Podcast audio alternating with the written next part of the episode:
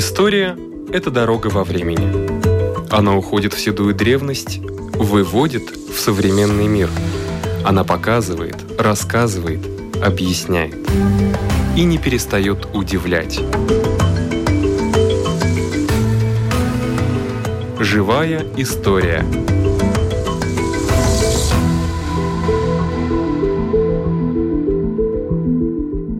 У микрофона Лидия Чера.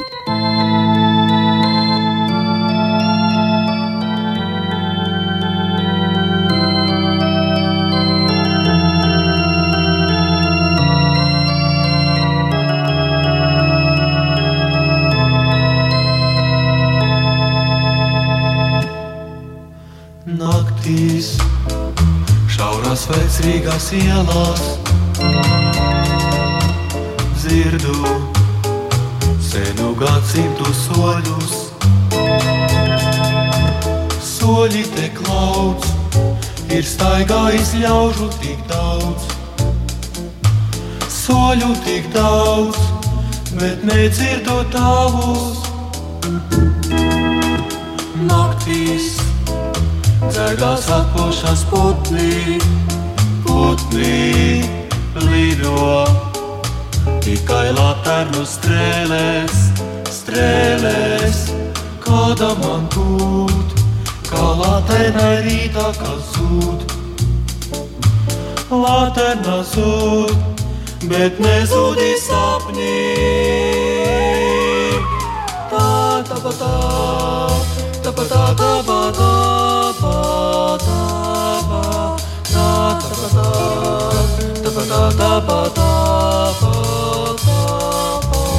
Naktīs šaurās vecrīgas ielās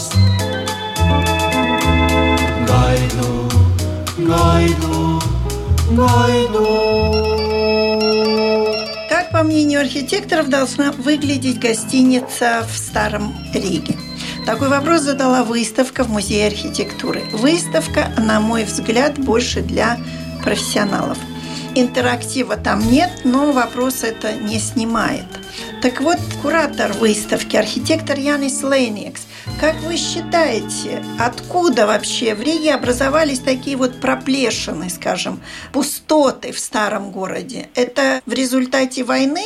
Да, конечно, 41 год – Нападение немецкой армии, бомбардировка, и, скажем так, центр старого города был разрушен полностью.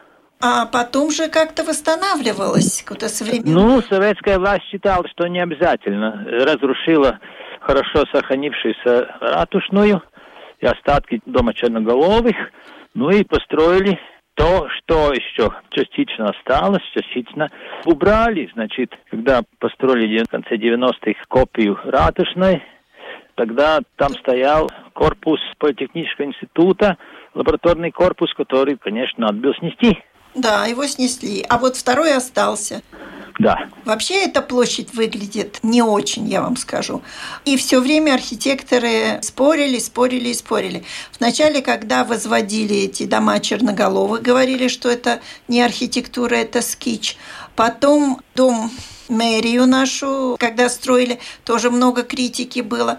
Но мне как непрофессионалу эти здания, так сказать, не мешают. Мне мешает рядом с домом Черноголовых вот это черное здание.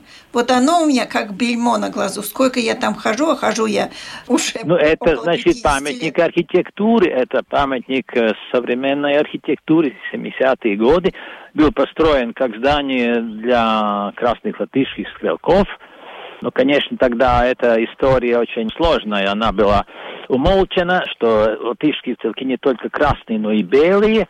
Да. И, следовательно, и белые потом помогли соорудить республику Латвии, государство. И, следовательно, тогда, после 91 -го года, этот музей, который был красным стрелком, построен был, переоборудован как музей оккупации.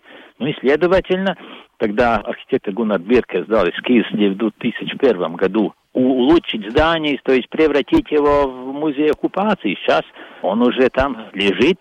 Конечно, он занимает одно из центральных мест Ратушной площади, одну четвертую часть это музей оккупации. Он, конечно, в таком совсем другом стиле, чем эти исторические здания. Господин Леникс, вы не угадали. Я не это здание имела в виду. Я имела в виду, если смотреть на дом Черноголовых прямо лицом, да, слева да. есть черное. О, ну это значит, да, это какой-то курьез такой построенный Но Вы согласны, что это курьез? По форме там как раз такое же здание с мансардом было в 18 веке построено и разрушено войной. Ну а сейчас новый владелец заказал архитекторам, я думаю, это офисное здание, или даже не знаю, оно еще не завершено. Там по теории, если мы будем построить, как скажем, старый город, как он был до войны, там такое здание должно быть. Вопрос, конечно, черного цвета. Да, мне тоже он-то не очень, скажем, черный цвет нравится. Да, и в общем, вот если посмотреть, то же самое Домская площадь, она вся какая была, какая есть. Как только походишь туда, к э, Рижской думе, там такое разнообразие, ну вообще дальше некуда. И это старое здание технического университета. Что с ним будет, тоже непонятно. Ну да, это принадлежит городу. Город, очевидно, не решился еще, что там будет. Там было предложение построить, э, превратить его в музей искусства. Ну, это предложение, наверное, не будет исполнено. Наверное. Может быть, там будет гостиница. Но кто его знает? Следовательно, город как-то не говорит нам что будет с этим зданием. И там же, на этой же площади, вы планируете, ну, во всяком случае, есть эскизы гостиницы. Да, ну, значит, на углу Кальтю и Тиргоню, там, где сейчас открытое кафе, Баз... там какой-то... Да, да, да, и базарчик. Базарчик, да-да-да. Там владелец прошлом году учредил конкурс, ну и там на выставке три победителя, следовательно, первое, второе, третье место проекты, как там построить гостиницу, имея в виду, что там до войны были где-то 9-10 разных зданий, как история города. Я видела эти проекты. Мне показалось, что они мало чем отличаются друг от друга. Но это, опять же, не профессионала. Ну, отличаются, отличаются. по форме. Там победитель использовал даже все стили, которые в старом городе есть. Там немножко мотивы готики, там барокко, ну а второе, третье место более современные, такие унифицированные здания, которые, скажем, все в одном стиле. Да, а вот там есть такой даже как бы или старый фундамент, или такой пьедестал.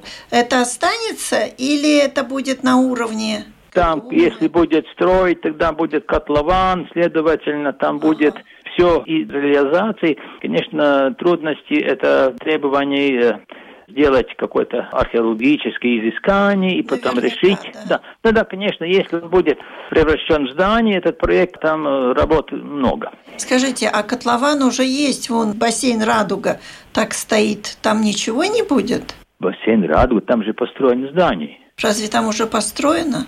Да, да, да, да, да, там, там на, на улице Пелду там нет, там стоянка, и сейчас есть да. на Пелду. Тогда я что-то не обращаю внимания, как меняется город, наверное. Ну, понемножку.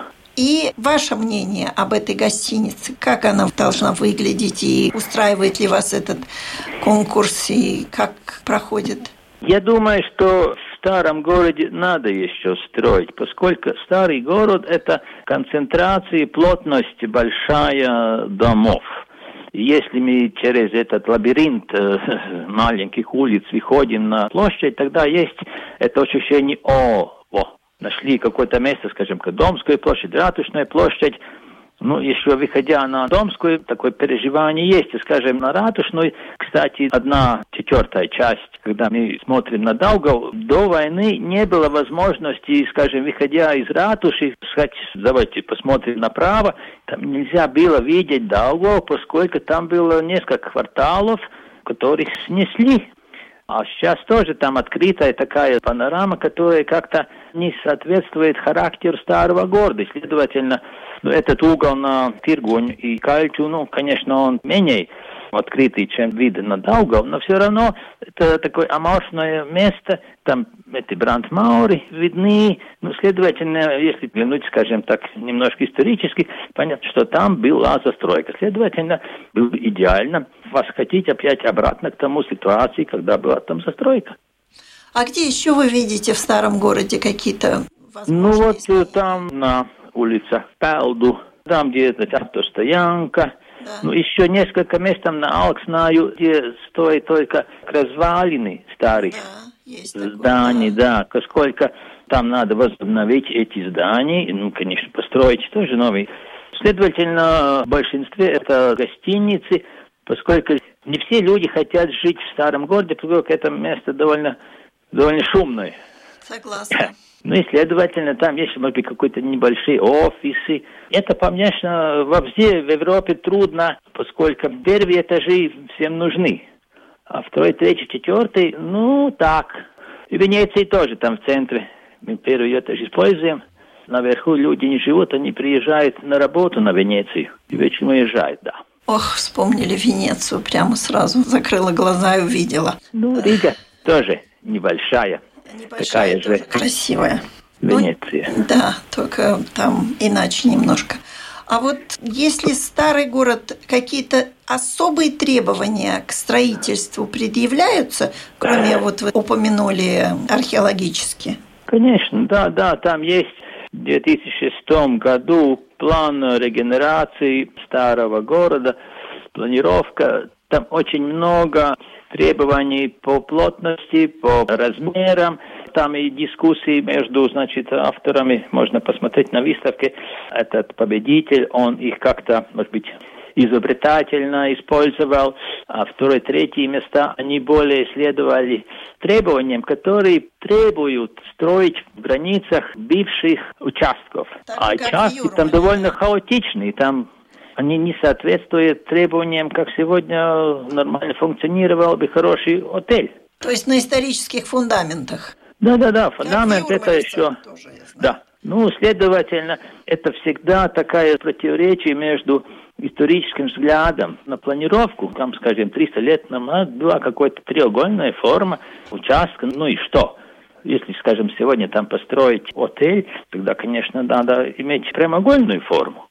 И там, я думаю, если проект будет продолжаться, там будет дискуссии между тем, которые изобретают формы, и теми, которые хотят, чтобы архитектор следовал, скажем, прежним векам. Иногда это не вредно соблюдать. Но в том-то дело, что застройка тоже пользуется. главное, скажем, этот вид, мы идем по улице и смотрим на здание, что мы чувствуем. А планировка внутри, это же объективно должно служить э, функции Человеку, зданий. да, должна Да. служить человеку, В его том-то дело. комфорту Вот, и вот, вот человеку комфорту. Мы, мы уже, извините, помой из окна не выливаем, да. Ну да, это точно, слава богу. Так что вы считаете, что в Риге гостиница будет, да? Я надеюсь, поскольку, ну, кажется, что как-то маловато по сравнению, скажем, Таллином и Вильнюсом, у нас как-то еще не хватает то есть, гостиниц. В старом городе особенно. Но вообще к старому городу, конечно, конечно, особое отношение, особый подход и особая бережность должна быть. Да, но надо дать возможность новым веяниям. Я думаю, что те, которые хотят побродить по старому городу и хотят посмотреть, как может выглядеть места, которые сейчас без застройки, пусть заходят в музей архитектуры. Да, до 7 июля Да. выставка открыта. Ну, Да. довольно специфическая. Я посмотрела и мало что поняла. Ну, там, скажем, и вид сверху, и вид с улицы. Там и пар исторических фотографий, чтобы можно как-то понять, как это было. Ну, есть и поколения, которые, скажем, старше 25 лет, 30 лет, когда снесли это здание политехнического института, тогда они могут вспомнить, как это было. Знаете, что особенность старого города не запоминаются названия улиц. Вот сколько лет хожу десятилетиями, и когда начинают называть улицы, я теряюсь всегда. Даже когда у меня спрашивают туристы, где какая улица, я теряюсь. Есть несколько улиц, что я помню, но я поняла, в каком месте эта гостиница планируется. Да, это, значит, рядом с э, Да, ратушей. Да, да, рядом с ратушей. Спасибо. Куратор выставки, которая открыта в Музее архитектуры Янис Леникс.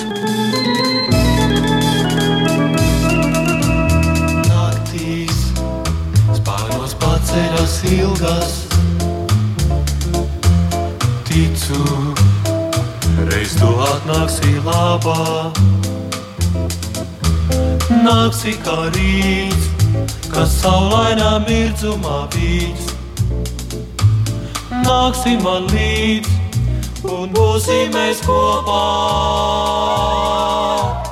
Tā, tā, pa, tā, tā, pa, tā, tā, pa, tā, pa, tā, pa, tā, tā, pa, tā tā, tā, tā, tā, naktīs, šaurās veids Rīgas ielās. Gaidu, gaidu, atkal es gaidu.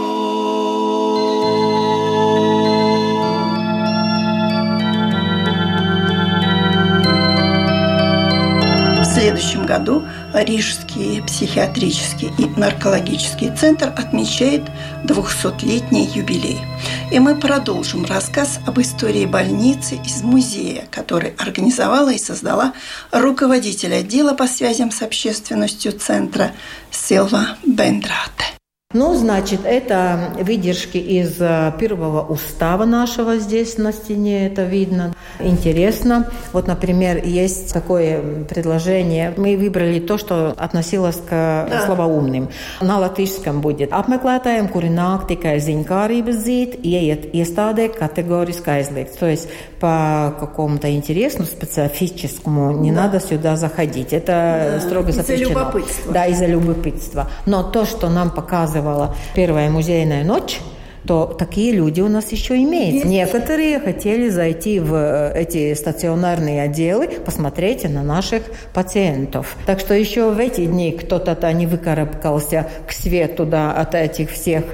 Ну, делать, но, такие люди. На самом деле, кажется, когда ты в здравом уме и твердой памяти, да. кажется, как же, как же, какие они, какое поведение, не укусит ли. Поэтому надо, поэтому надо больше, надо больше узнавать. Здесь как бы эта экспозиция события для того, чтобы информировать, чтобы показать, чтобы рассказать и просвещать людей, чтобы не узнали, как это есть. И надо, конечно, человеку знать, как будет вести и что делает этот э, больной человек. Не только, чтобы сам подумать, чтобы не было какого-то конфликта, но чтобы помочь ему тоже. Это тоже надо знать. Так что не надо всех ставить за, э, за этот...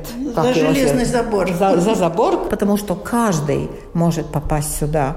Ну, есть разные переживания, да. есть стресс, начинается какая вот генетически как-то вот стартируется вот эта болезнь, которая имеется. Никто не может знать, как с ним может это тоже случиться. И нам главное, чтобы мы могли тогда лучше помочь, и чтобы это место было лучше для человека, чтобы быстрее выходить из этой болезни. Да. Вначале помочь человеку можно. Много легче. Можно, да. очень хорошо. Ну вот об этих э, господах тут я уже рассказывали. Первый, да, вот поэтому Первый, они здесь Александр действительно Первый. часть нашей истории, потому они здесь находятся. Потом у нас здесь есть интернет, мы можем маленькие собрания тоже здесь делать. Здесь мы смотрим на артефакт. Это, ну, это сохраненное. Да, да это из 1848 год. А вот это хорошо положен, да? Пол такой из кирпича, положен. да, вот именно, да. Кирпич И вот здесь о жизни Ото Вильгама Вон Гуна. Разделили мы на такие части, чтобы лучше понять, что делал, как жил, чем занимался. И цари его ценили высоко, разные вот подарки, бриллианты даже. Так что он был действительно... Признан. Да, признан. Признан потом, при жизни, Да, хорошо. да, потом он э, действительно очень был такой человек, который был общительный. общительный. Здесь разные бедрибас, э, разные организации, в которых он входил, работал не только специальные медицинские, но и литературные организации искусства, так что он был такой да. высоком... Теологии, ну, да, медицины, да, все да, это да. было. Он был очень-очень таким... Да. Да, это очень актуально kauns dzīvot tēvzemē un neinteresēties par то. То есть это стыдно э, жить да. в э, отечестве и, и не интересоваться. Думаю, что очень много очень людей важно, да, да, не, не знают, что там есть в каких-то местах в Латвии. Даже не знают, да. где они находятся. Что Рига не одно единственное место. Если смотреть его работы, то он часто употреблял какие-то цитаты. Поэтому это было Они очень красиво. Да. да, и мы хотели ее... Было очень... Да, актуальны. О, качели. Его работы. Ну и вот о нем еще это продолжается. Его лютеранское наследие. Да, это, это, да, вот это его место погребения. Место погребения. А это старые большие да, рижские. Правильно, я там да, и видела. Да. Да. да. Капи. Кладбище. Кладбище большое, да, это рижское. Большое и он там, да, и там есть вот эта церквушка белая такая рядом, там его место, там он лежит. Он был не только доктор, но очень многим занимался. Он был и очень активный топограф. Да. Собирал информацию, как и Бродце, которого мы знаем, и его коллекция очень богатая, сохранилась хорошо. Его коллекция Ото Вильгама Вангуна не так хорошо сохранилась, потому что некоторые часть потерялась. Потом они разделили, когда он ушел с жизни по разным архивам, и там они как-то не очень хорошо сохраняли, но что-то есть. Работать с этим материалом трудно, но найти там хорошее, интересное можно. И он сделал манускрипт двух э, книг. Одна – это «Первая помощь людям», такая, но не издал. Важно, очень важно, но не, не успели издать. О чем он жалеет, там можно, где он там пишет, э, это увидеть. Потом другая – это для акушерок, чтобы обучаться, да. потому что это было на очень низком уровне. Еще бы. Да, потому Смертность ну, да, большая. большая. У него были две лаулейбас. Два брака. Два брака. И вот э, на родах десятого ребенка первая жена умерла и он не мог ей ничего помочь. Поэтому он очень большое значение акушерскому профессионализму, что это надо поднимать, поэтому, наверное, эта книга была создана, но тоже не издана. Значит, это Дженнер, это его портрет. Здесь рассказано, как что делал. Это этот английский, который да, Дженнер, да, да, который, да. вот метод, который да. прививку делает. От э, оспы. Так, э, это делать. наше самое первое, самое начало. Это самая старая у нас история история. Да. Но мы поняли, что оставаться на этом нельзя, это не будет правдой, надо идти на советские времена тоже. Потому что надо о диссидентах что-то сказать, потому что там есть тени, о которых все-таки не надо прятаться, но они были, конечно, и рассказать, что здесь было, хоть и немножко. Да. И поэтому мы сделали еще экспозицию, продолжили. Подождите Сейчас здесь свет зажгут.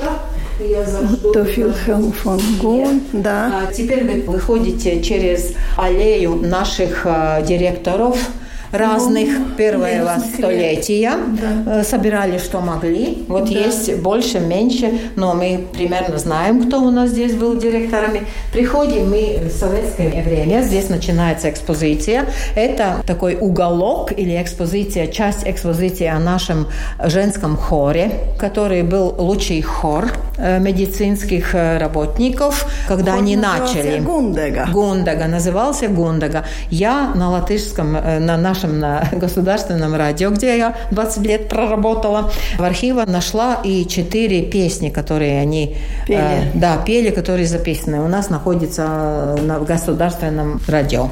Здесь есть, всегда показываю эту афишу, потому что была выставка работ наших пациентов в 2003 году. Уговорила одна, те, которые организовали нашу бывшую директоршу Зузанну Сочневу, у нее была большая коллекция.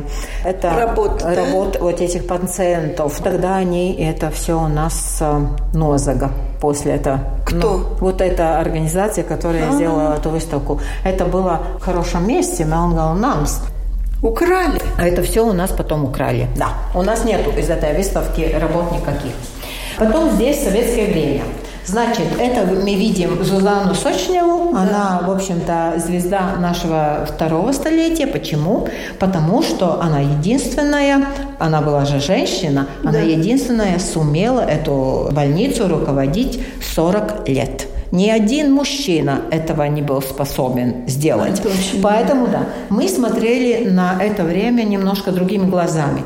Нам было очень важно узнать и оставить информацию о том, что она сделала для лечебной системы психиатрической в Латвии и что она оставила для нашей больницы, что она сделала. Она была терминатор, большая энергия. Она была очень талантливая блатница. Так что она очень очень много сделала. Здесь есть, есть информация об этом. Мы, когда делали эту выставку, был очень хороший контакт мне с ее родственниками еще. Да. И потому у нас есть личные вещи тоже ее. Ну, она же женщина. Прическа, брошечка, туфли ну, было очень важно да. для нее. Я ее не видела, я с ней не поговорила. Спрашивала, ну, какая она была. Они рассказывают, какая она была. Но то, что не были друзьями, не было то, то трудно было, может быть, коммуницировать с ней иногда. Она была очень строгая, но она, они говорят, э, лучше директора здесь не было в этом учреждении, в этой больнице. Показываем мы это время через э, черно-белые двери. Это черная сторона, это рассказ о диссидентах, что там было, как да. это было. Но есть белые пятна, потому что наши парни через эту больницу ускользнули из э, советской армии. Это было важно. Да, да, это тоже. С этой стороны белая сторона, которая вот рассказывает, что было сделано для людей. Какие-то вот культурные что-то, да. терапия, что они здесь делали, что действительно они активно жили, посещали это, тоже музеи и так далее. Тогда... Они могли. Могли они тоже и работать. И им им платили, и это было включено в стаж пенсионный. Это тоже было важно. Да, это немножко здесь картины наших пациентов, которые я тоже нашла где-то, тоже поставила, потому что ну, людям всегда интересно это. И вот что она еще сделала э, сочного, она добилась того, что здесь был первый круглосуточный телефон помощи да. в Советском Союзе. То есть можно было звонить? Да, можно было звонить, потому что что здесь по первый, прямой. да, по прямой, здесь был первый телефон не в Москве, не в Ленинграде, которые, mm-hmm. в общем-то, смотрели, почему здесь у нас, но она вот была такая очень энергичная, она это добилась. Так что это было важно. Ну, Скажите, Сильва, да. а в этот музей может попасть каждый? Да, можно, если мне позвоните, мы договариваемся, а когда где можно... телефон найти? Это в нашем домашнем листе можно ну найти. Ну, да. И потом еще последнее хочу последнее, вам давайте. показать. Еще Ой, иду, иду, иду. Часть экспозиции мы открыли в прошлом году. Два года ничего не делали, была пандемия. Да. Ничего не могли. О. Здесь это посвящено традициям, то есть как пациентов кормили. Из истории рассказываем, что и как. Тут есть стена голода, потому что в 1917-18 они забыли, что надо людей здесь кормить. Было такое вообще время тревожное. Ну, да. И вот половина у нас умерла с голода. Так что такие трагические э, тоже есть э, страницы. Потом мы немножко показываем свою бывшую советскую кухню. Да, собрала немножко такую инсталляцию, потому что этот дом и кухню кухню они сняли, убрали, потому что старый да, дом был, надо было снять, там ничего не, уже не было. Особенно облезлые потолки. Да, вот, вот, да, хорошо, это очень хорошая инсталляция. Так примерно Прекрасно. и там Трудно, выглядело, потому что да. строили-то как, там ну, да, ужас, да, как строили. Потом у нас есть специальная часть экспозиции здесь, которая посвящена Эйшенстрауцем. Это диагноз. Анорексия. Это одно из этих. Помеш... булимия, анорексия и другие помешательства мешание кушания. Это Эйхенстраузен, это диагноз. И здесь это можно посмотреть анорексию в фотографиях, как это выглядит. Эта девушка делала э, вот фотосессию э, и сказала фотографу, что она теперь красивее, только ей надо немножко еще сбросить э, вес, потому что надо 35, а ей 38. Это, да, да. Я выяснила, мне сказали, что это рассказ с позитивным исходом, что она все-таки смогла выкарабкаться вернулась, да, потому что анорексия, если ничего не делать, это в одно направление. Ну, потом здесь можно свеситься, какой вес у каждого. Здесь интересно, что в советское время здесь убирали вес, здесь э, было специальная нодоля, то есть отдел, где сбрасывали вес, потом уже переживали, когда закрыли этот отдел. Так что очень интересно и это было. А нам казалось, да. людям ты можешь э, рассказывать, как это плохо, что нельзя нельзя так э, сбрасывать вес, чтобы не, не получить анорексию. Но когда ты увидишь в эти фотографии, тогда это лучше всего говорит. И я видела, как э, молодые э, девчонки там стояли, стояли и да. смотрели с такими глазами, а, да. Особенно школьницы. Да, и без слов. Это был вот рассказ без слов. Ну вот и то, что мы хотим уже последний, который еще мы не, не успели, потому что это не так быстро можно сделать.